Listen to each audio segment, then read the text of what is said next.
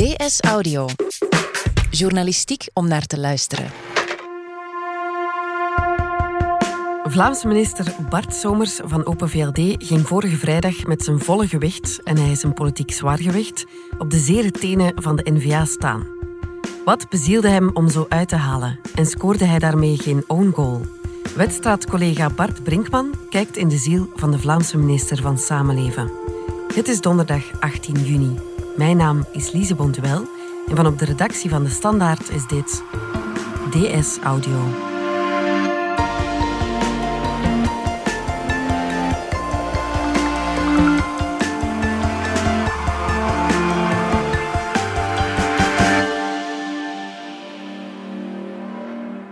Het is vrijdagmiddag wanneer dit persbericht binnendwarrelt op de redacties.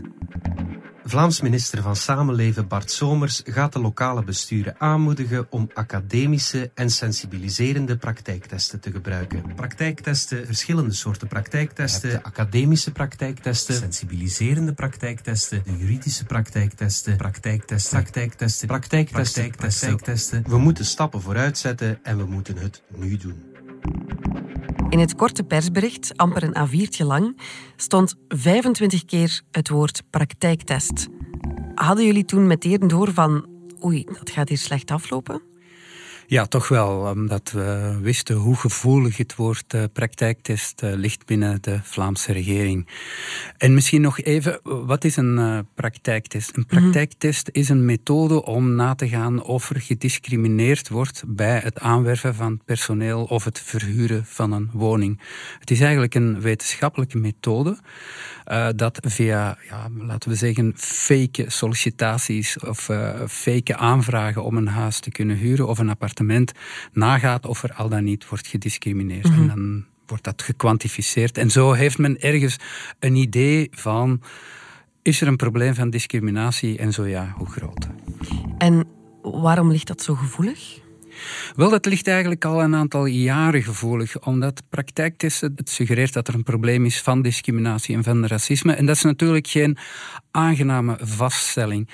Nu, in de loop der jaren zijn de geesten wel een beetje gerijpt. Hè. Zo zijn er in verschillende steden in Vlaanderen al een of andere vorm van praktijktesten, maar toch en zeker nu het Vlaamse belang aan populariteit wint, is men uh, bij de NVA bijvoorbeeld erg terughoudend om dat in te voeren. Mm Nu, Bart Somers weet dat het zo gevoelig ligt. Waarom doet hij dat dan?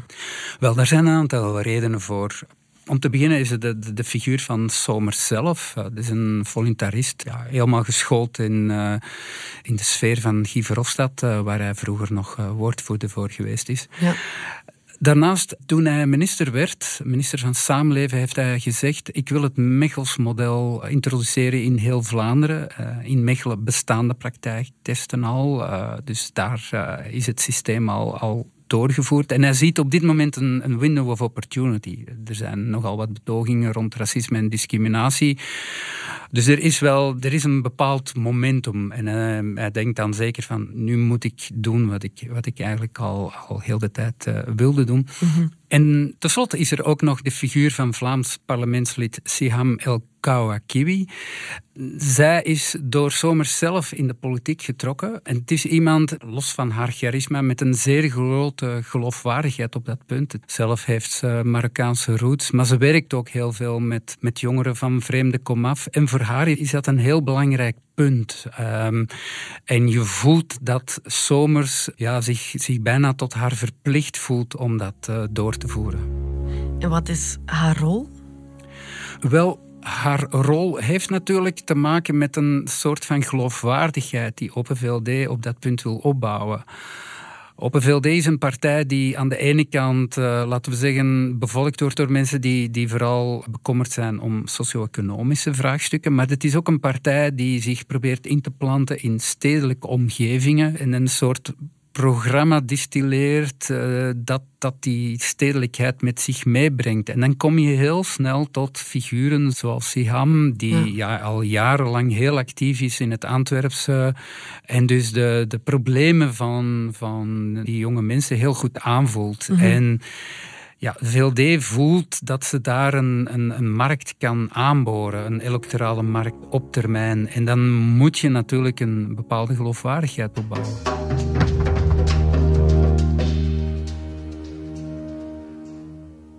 Nu, geen uur na de persmededeling van Somers riep minister-president Jan Bon hem bij zich voor crisisoverleg, samen met de vice-minister-presidenten Hilde Krivits en Ben Wijts. En niet veel later kregen we een nieuw persbericht.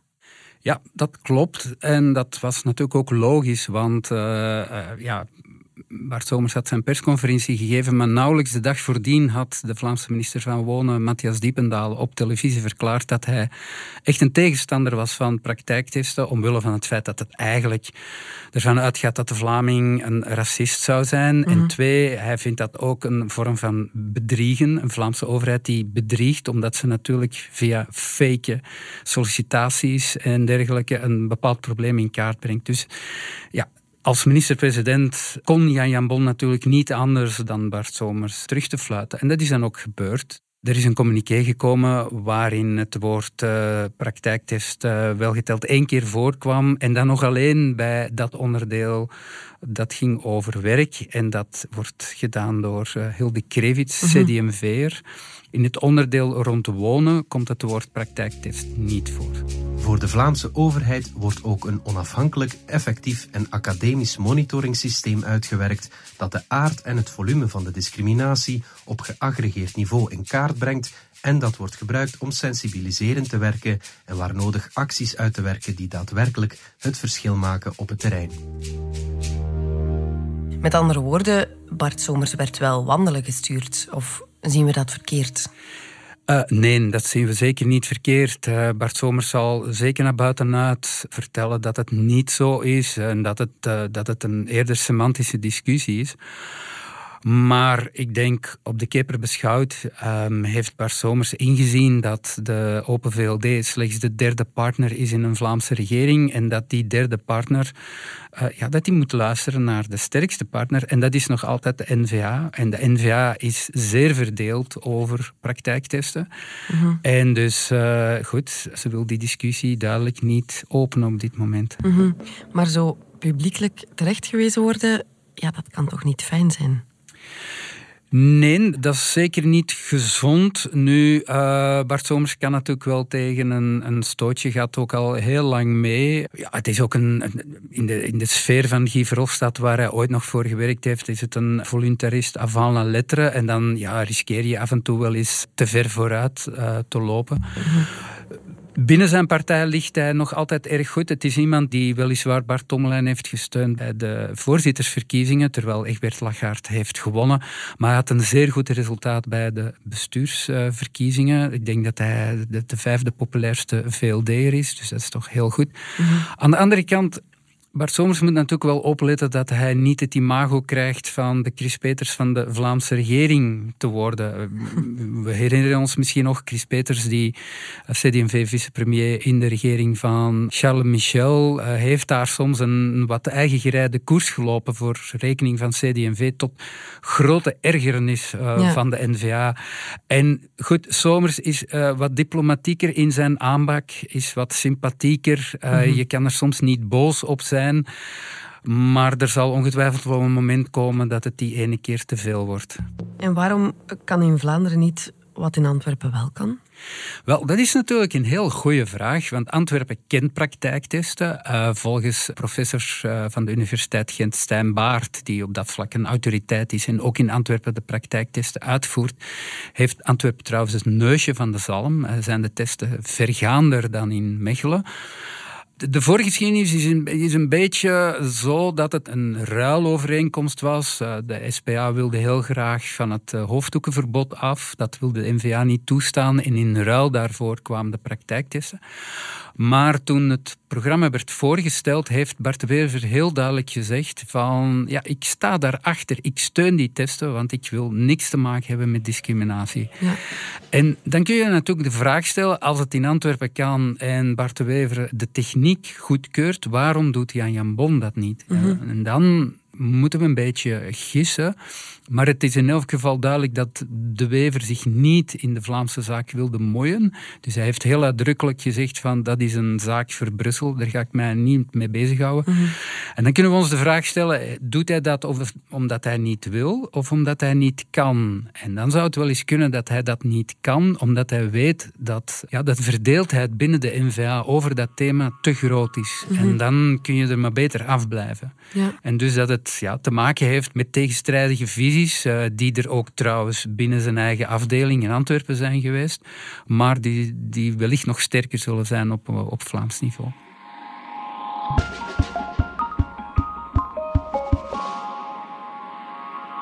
Het is ook niet de eerste keer dat Bart Somers de randjes opzoekt en zelfs buiten de lijntjes nee, dat, dat, kan je wel zeggen. En hij past altijd dezelfde methode toe. Dus uh, zoals ik al vertelde, hij is naast minister van Samenleven ook minister van Binnenlandse Zaken.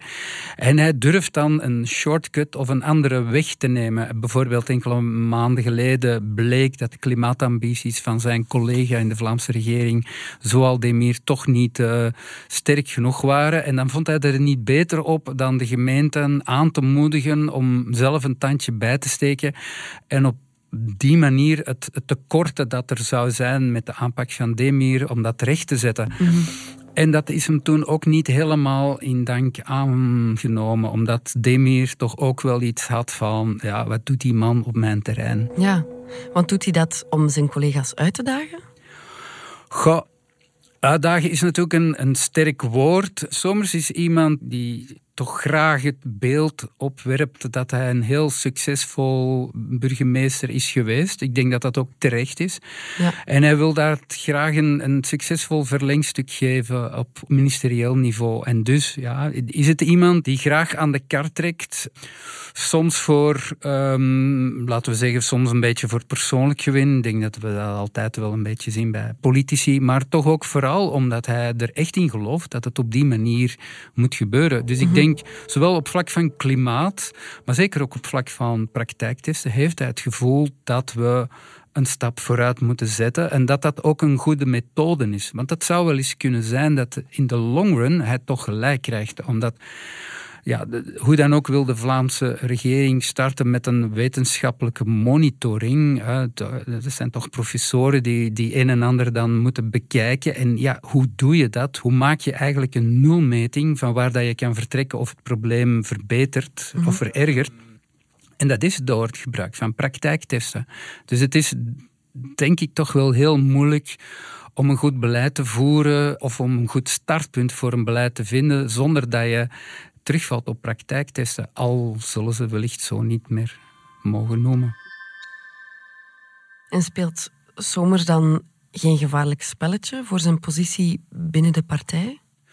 Dat denk ik niet. Het zou natuurlijk kunnen zijn, en daar, daar wordt moet ik het zeggen, er wordt soms wel eens wat wind uh, rondgemaakt over een mogelijke coalitiewissel waarbij de VLD uit de Vlaamse regering wordt gezet en de SPA eh, wordt binnengehaald. Dat is eigenlijk een gerucht dat al start van de vorige zomer, omdat dat scenario toen echt wel op tafel heeft gelegen. Omdat Bart de Wever toen echt wel gewerkt heeft aan een scenario met CD&V en SPA. Omdat hij vond dat eh, de NVA, of beter gezegd de Vlaamse regering, dusdanig had verloren dat er iets nieuws moet zijn. Dus dat het moeilijk kon dat dezelfde coalitie aan de macht kwam. Hij heeft toen het veto van Jan Jan Bon uh, gekregen. Jan Jan Bon wou zo'n regering niet leiden. Goed, dus uh, de VLD is toen terug binnengehaald. Maar dat is eigenlijk blijven sluimeren. Mm -hmm.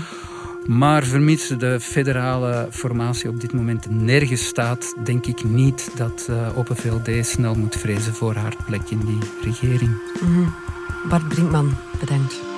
Graag gedaan. Dit was DS Audio. Wil je reageren? Dat kan via dsaudio.standaard.be. In deze aflevering hoorde je Bart Brinkman en mezelf, Lise Bonduel. Alexander Lippenveld las de persberichten in. De redactie gebeurde door Bart Dobbelaren. De eindredactie door Pieter van Malen.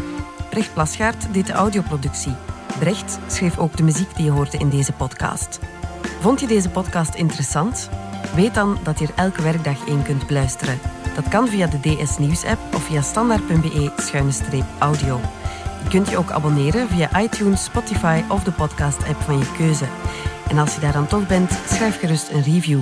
Zo toon je ook anderen de weg. Morgen zijn we opnieuw.